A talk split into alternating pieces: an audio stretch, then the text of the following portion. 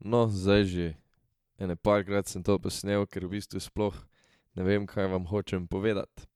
Ampak po spletu, naključij, okoliščin, zvezde so se poravnale in ti poslušaš podcast Veto.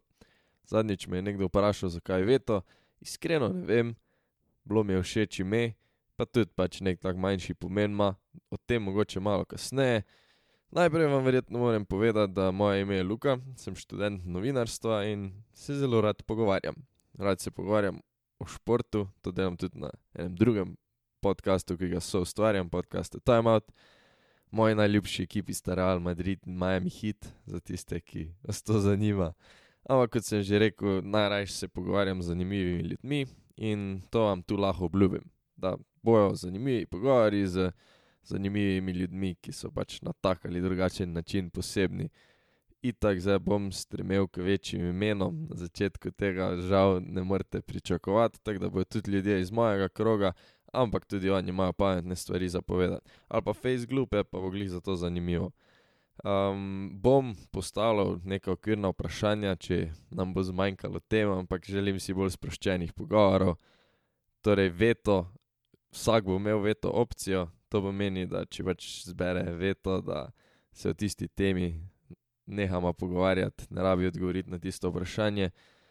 Jaz upam, da jo bojo čim manj uporabljali, hkrati bo pa kar zanimivo, če se kdo o kaki taki temi ne bo hotel pogovarjati. Zakaj le?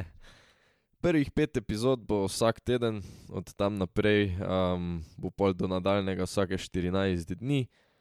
In pač prvih deset epizod se bom še malo iskal, ne, malo se bom tipal, malo bom tipal tudi goste, tako da ne bojo zdaj glih optimalne na najvišji kakovosti, ampak se bom trudil iz vsake tudi jaz nekaj naučiti, glih zato pač, da se pa izognem takim neprijetnostim, bo približno prvih deset pogovorov z ljudmi iz mojega kroga.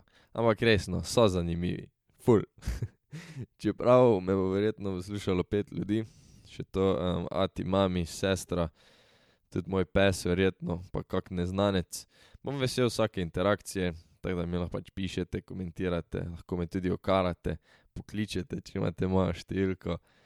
še bolj pa bom vesel vsakega priporočila, ker veliko pomeni. In v končni fazi, šest je več kot pet. Mogoče se skozi vse te teme, problematike, karakterje celo kaj naučite. Na primer au revoir, to je nasvidenje po francosko. Čeprav sem verjetno totalno narobe naglasil. Se čujemo, ajde.